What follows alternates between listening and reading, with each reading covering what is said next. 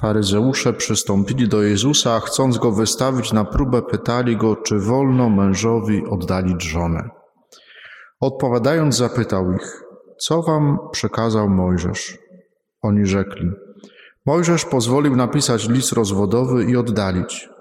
Wówczas Jezus rzekł do nich, przez wzgląd na zatwardziałość serc waszych napisał wam to przekazanie. Lecz na początku stworzenia Bóg stworzył ich jako mężczyznę i kobietę. Dlatego opuści człowiek ojca swego i matkę i złączy się ze swoją żoną i będą oboje jednym ciałem. A tak już nie są dwojgiem, lecz jednym ciałem. Co więc Bóg złączył, tego niech człowiek nie rozdziela. W domu uczniowie raz jeszcze pytali go o to. Powiedział im, kto oddala swoją żonę, a bierze inną, popełnia względem niej cudzołóstwo. I jeśli żona opuści swego męża, a wyjdzie za niego, popełnia cudzołóstwo. Przynosili mu również dzieci, żeby ich dotknął, lecz uczniowie szorstko zabraniali im tego. A Jezus, widząc to, oburzył się i rzekł do nich: Pozwólcie dzieciom przychodzić do mnie, nie przeszkadzajcie im. Do takich bowiem należy Królestwo Boże. Zaprawdę powiadam wam, kto nie przyjmie Królestwa Bożego jak dziecko, ten nie wejdzie do niego. I biorąc je w objęcia, kładł na nie ręce i błogosławił je. Czy chcemy tego, czy nie, e, to skutki tego czasu, epidemii, e, kryzysu z tym związanego, e, już w jakichś, na różnych poziomach już nas dotykają. Choćby taki bardzo widoczny, namacalny skutek, że jest nas mniej w kościele. W zeszłym tygodniu, tak jak żeście widzieli, ksiądz Dawid też o tym wspominał, liczyliśmy parafian jak co roku, z taką przerwą właśnie na, na ten czas epidemii. No i się okazało, że jest nas no, prawie połowa mniej niż do tej pory. Przed epidemią chodziło nas do kościoła tak średnio na niedzielną Eucharystię, na wszystkich mszach świętych 1080 osób.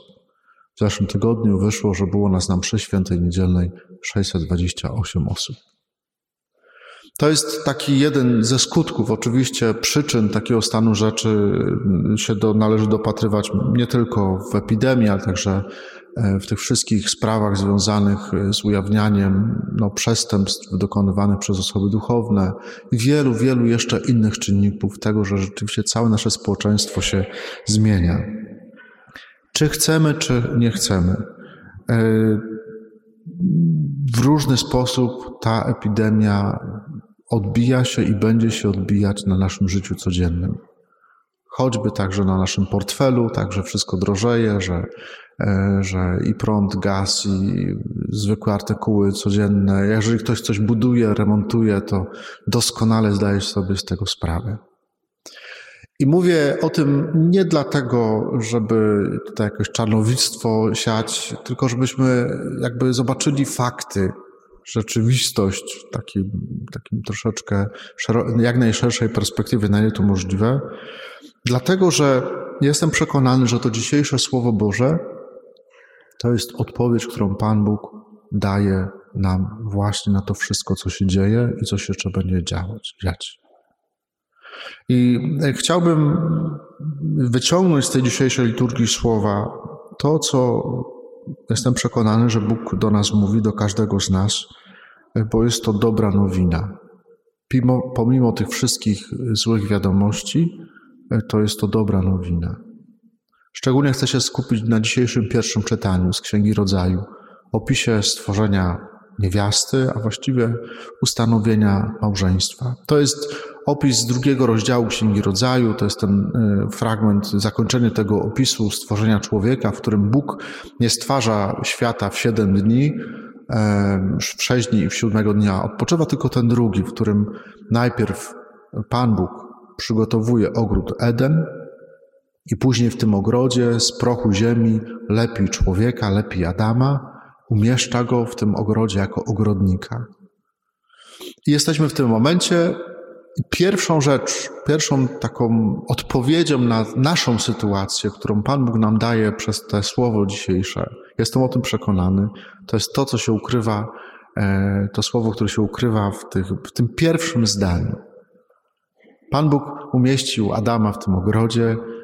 E, niby wszystko ma, ale widzi, że ten Adam coś się tak snuje markotny po tym ogrodzie i stwierdza, Pan Bóg sam stwierdza, nie jest dobrze, żeby mężczyzna był sam. Uczynię mu zatem odpowiednią dla niego pomoc. Co nam to słowo mówi? Niezwykle, nie wiem, mnie osobiście bardzo podnoszące na duchu zdanie. Mianowicie to, że Bóg zna nasze serca. Bóg zna nasze pragnienia i chce, żebyśmy byli szczęśliwi. Nawet w tym całym naszym zamieszaniu, w tym wszystkim, co przeżywamy w naszych rodzinach, e, w społeczeństwie, Bóg chce, żebyśmy byli szczęśliwi. To jest właśnie to, że uczynię mu zatem odpowiedzią dla niego pomoc. Nie jest dobrze, żebyśmy byli sami w tym wszystkim, co przeżywamy. I jako rodziny, i jako osoby, i jako społeczeństwo, i jako wspólnota Kościoła potrzebujemy siebie. Potrzebujemy siebie. Pan Bóg, widząc y, ten brak w życiu Adama, tą jego samotność, podejmuje próbę stworzenia dla niego tej pomocy. Co robi? Bierze z tego samego prochu, z którego był Adam ulepiony, lepi zwierzęta. I przyprowadza te zwierzęta do Adama, żeby nadał im nazwę. Co nam ten opis mówi? Po pierwsze to, że ponieważ jesteśmy ulepieni z tej samej gliny, co wszystkie zwierzęta, to znaczy, że należymy do świata przyrody. Jesteśmy częścią tej przyrody, jesteśmy tego świadomi, że jest w nas ten pierwiastek po prostu, można powiedzieć, w cudzysłowie, zwierzęcy. Ale jednocześnie, i to widać też w tym opisie, e, który się kończy tym, że nie znalazła się pośród tych zwierząt, nie znalazła się żadna odpowiednia pomoc dla mężczyzny. To nam Słowo Boże przypomina o tym, że chociaż należymy do świata przyrody, to jednak wykraczamy daleko bardziej poza ten świat przyrody. Jesteśmy jego częścią, a jednak jesteśmy kimś więcej. Przyroda, i to świetnie widać w tych opisach stworzenia świata, jest stworzona dla człowieka. A ten opis, że Adam nadaje imiona zwierzętom, temu wszystkiemu, co jest, co, przy, co tej paradzie zwierząt, która przechodzi przed nim, że nadaje im imiona, to jest znak tego, że Bóg dzieli się z nami władzą nad stworzeniem, że powołuje nas do tego, żebyśmy tym stworzeniem dobrze zarządzali, nie wykorzystywali jak szabrownicy, jak rozbójnicy, tylko żebyśmy dobrze tym stworzeniem, tak On zarządzali. Już to kiedyś wspominałem, że y, w Piśmie Świętym, kiedy się pojawia zmiana imienia, to zawsze ona pokazuje, że ktoś y, ma władzę nad czymś albo nad kimś. Jak Pan Bóg pozwala Adamowi nadać imiona stworzeniom, to mówi: Dzielę się z Tobą władzą nad stworzeniem. Bóg zna nasze serca, chce, żebyśmy byli szczęśliwi i wszystko, co jest na ziemi stworzone, jest stworzone dla nas po to, żeby nas do tego szczęścia też prowadzić. Ale to wszystko, co stworzone, nie daje nam jeszcze szczęścia. I tu się pojawia druga próba, którą Pan Bóg podejmuje. Mianowicie, kiedy widzi, że jednak, no, jednak to stworzone, wszystkie stworzenia no, nie są odpowiednią pomocą, nie dają jeszcze szczęścia Adamowi, no to podejmuje drugą próbę. Usypia Adama. Wtedy to Pan Bóg sprawił, że mężczyzna pogrążył się w głębokim śnie i gdy spał, wyjął jedno z jego żeber, a miejsce to zapełnił ciałem. Co to nam mówi? To, że y, jakby w całości mówiąc, że po pierwsze, że rodzina, małżeństwo jest darem od Pana Boga. Popatrzcie na tą swoją żonę, na tego swojego męża, jacykolwiek oni są. Znacie się jak łysa konie. Nikt tak siebie nie zna jak małżonkowie. To jesteście dla siebie darem. To jest dar od Pana Boga. To zobaczcie, że tym, który działa w tym opisie jest Pan Bóg, nie, nie człowiek. Druga rzecz. Y, to, że ten Jaś zakochał się w tej Małgosi, a ta Małgosia w tym Jasiu, to jest wielka tajemnica. I to jest właśnie obraz tego snu to, co już kiedyś wspominałem, że jakbyśmy mieli tutaj zapytać małżeństwo, jedno, drugie, trzecie, dziesiąte, dlaczego pani się zakocha w tym, w tym pani mężu? To usłyszymy przeróżne historie, ale gdzieś jest w tym wszystkim, w tych, każdej tej historii coś nie do opowiedzenia. I to jest właśnie to, co Słowo Boże pokazuje, że to jest ta tajemnica tej miłości tych dwojga. Druga rzecz. Jesteście dani sobie, drodzy małżonkowie, jako wzajemna pomoc, jako dopełnienie, po to, żeby siebie, się o siebie troszczyć. I to dwie rzeczy pokazują w tym opisie. Pierwsza rzecz to jest to, że Ewa jest zbudowana z kości Adama. Kość e, dla Hebrajczyków, dla Izraelitów, dla Żydów to jest po prostu synonim życia. Więc jak Ewa jest stworzona z kości Adama, to z tego wynikają bardzo ważne e, jakby konsekwencje. Mianowicie to, że Ewa, może to nas zaskakiwać, jest też człowiekiem. Ma tę samą godność co mężczyzna. I chociaż oboje jakby są powołani do różnych zadań, każdy ma jakieś tam różne zadania życiowe, które wypełnia, bo jest mężczyzną, bo jest kobietą, to jednak oboje mają niepodważalną godność i niezbywalną godność, jaka wypływa z tego, że są stworzeni na Boży obraz i podobieństwo. Kiedy Pan Bóg wyciągnął żebro z boku Adama, to w tym miejscu została no po prostu miejsce. Dzieci wszystkie, myślę, że wszyscy jakbyśmy dziećmi, jakbyśmy słyszeli o tym przedszkolu, to wszystkie dzieci sprawdzają, no ale proszę księdza, ja mam wszystkie żebra. To gdzie to jest? Oczywiście teraz to jest pewien tylko obraz. Ale ten obraz, on jakby nas prowadzi. Jak pójdziemy za tym obrazem, on nas prowadzi. Tak? Po wyciągnięciu tego żebra powstała pewna pustka. I tę pustkę może zapełnić tylko ta jedna, jedyna, która jest zbudowana na tym moim żebrze, która ma w sobie to, to, to moje żebro. To żebro osłania serce, y, osłania y, centrum życia w tym myśleniu starożytnych. To serce to było centrum życia. Jest, jest kimś najbliższym, kimś, kto zna moje życie, z kim dzielę całe moje życie. Jesteśmy sobie najbliżsi. I, ale nie jest mną. Nie jest mną, to są dwie różne osoby. I to jest tutaj pięknie pokazane w Słowie Bożym, że jesteście dla siebie potrzebni, żeby siebie dopełniać. W tej swojej odmienności jesteście powołani do siebie nie po to, żeby się kłócić, żeby się y, walczyć ze sobą. Tak nam to dzisiaj chce kultura pokazać, nie? że mężczyzna to jest kolejny etap walki klas, mężczyzna, kobieta. Bzdura na resorach. Zamysł Boży jest jasny. Jesteście, jesteśmy powołani jako mężczyźni i kobiety do, dla siebie po to, żeby wzajemnie siebie uzupełniać, żeby siebie wzajemnie ubogacać.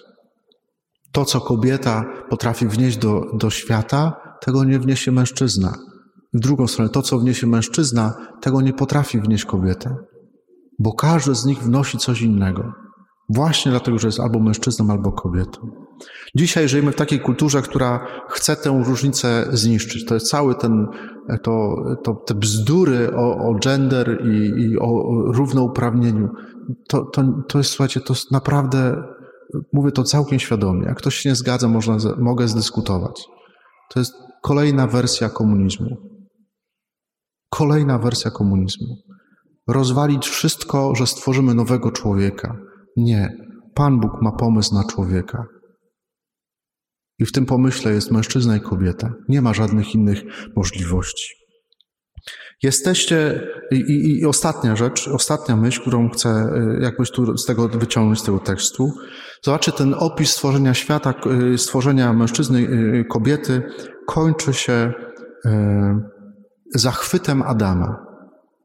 Ewa przychodzi, Pan Bóg przyprowadza Ewę do Adama i ten wpada w zachwyt. Ta dopiero jest kością z moich kości i ciałem z mojego ciała. Ta się będzie nazywała niewiastą, bo ta e, z mężczyzny została wzięta. Dopiero w niej widzi tę odpowiednią pomoc, nie służącą, tylko pomoc. Macie sobie, jesteśmy powołani jako mężczyzna i kobieta, jesteśmy powołani do tego, żeby wzajemnie sobie pomagać. I po, mówi dalej autor biblijny. Dlatego to mężczyzna opuszcza ojca swego i matkę swoją i łączy się ze swą żoną tak ściśle, że stają się jednym ciałem. A Pan Jezus jeszcze dopowie, co więc Bóg złączył, tego niech człowiek nie rozdziela. Ten obraz jednego ciała tu jest, myślę, kluczowy. Że kiedy dwoje młodych ludzi staje na ślubnym kobiercu i ślubuje sobie przed Panem Bogiem, to rodzi się nowe ciało. To, dlatego mówimy, że to jest nowa droga życia. Zaczyna się coś absolutnie nowego. I tak jak dbamy o nasze ciało w tym wymiarze, każdy z nas, tak, gdzieś, żeby było zdrowe, żeby było w jakiejś dobrej kondycji, żeby się poruszać, żeby dobrze jeść, żeby się dobrze odżywiać. Jak choruje, no panowie trochę może mniej na to zwracają uwagę, tak, ale jak coś choruje, jakieś objawy się pojawiają, to idziemy do lekarza. E, tak samo, i to nam też obraz, ten obraz chce powiedzieć, tak samo potrzebujemy takiej troski o ciało, jakim jest małżeństwo. Jeśli ktoś myśli, że piękne małżeństwo zrodzi się bez zaangażowania obojga w troskę o to ciało, to jest w grubym błędzie. Doskonale zdajcie sobie sprawę z tego, że to wymaga ogromnego zaangażowania, ogromnej troski, codziennej troski, codziennego ofiarowania się dla drugiej osoby po to, żeby to ciało, jakim jesteśmy jako małżonkowie, mogło wzrastać, mogło się rozwijać, mogło owocować. Stąd, słuchajcie, stąd te wszystkie propozycje, które dajemy Wam jako małżonkom w parafii. Myślę, że naprawdę musimy mocno zatroszczyć. Jestem, nie, nie myślę, jestem głęboko przekonany, że po tym czasie epidemii małżeństwa, nasze rodziny, wasze małżeństwa, nasze rodziny, mówię tu o rodzinach parafialnych, naprawdę potrzebujemy głębokiej troski i przyjrzenia się, takiego zatroskania po prostu, nie zamartwiania się, ale zatroskania się o dobro naszych małżeństw i naszych rodzin. Nie po to, żeby wmawiać sobie, że jest źle, tylko po to, żeby źle nie było. Zachęcam Was do tych wszystkich inicjatyw, które proponujemy Wam w tym wymiarze małżeńskim i nie tylko. Nawet jak nas jest mniej, to może tym bardziej powinniśmy jakby na to zwrócić uwagę jako wspólnota parafialna i dlatego też o tym dzisiaj mówię. To wszystko jest po to, żeby te ciało tej waszej rodziny, waszego małżeństwa, żeby dać wam kolejne narzędzie do troski, żeby ono się rozwijało, żeby było zdrowe, żebyśmy mogli się tym małżeństwem cieszyć, tymi waszymi małżeństwami wszyscy cieszyć. Pan Bóg chce naszego szczęścia. Odpowiedzią, jaką nam daje na te wszystkie rzeczy, które się dzieją wokół nas. Ja czytam dzisiaj to Słowo Boże w ten sposób, że to jest troszcie się o wasze małżeństwo i o przyjście, wasze życie, nasze życie, swoje życie, o przyjście na Panu Jezusie i będzie dobrze. Amen.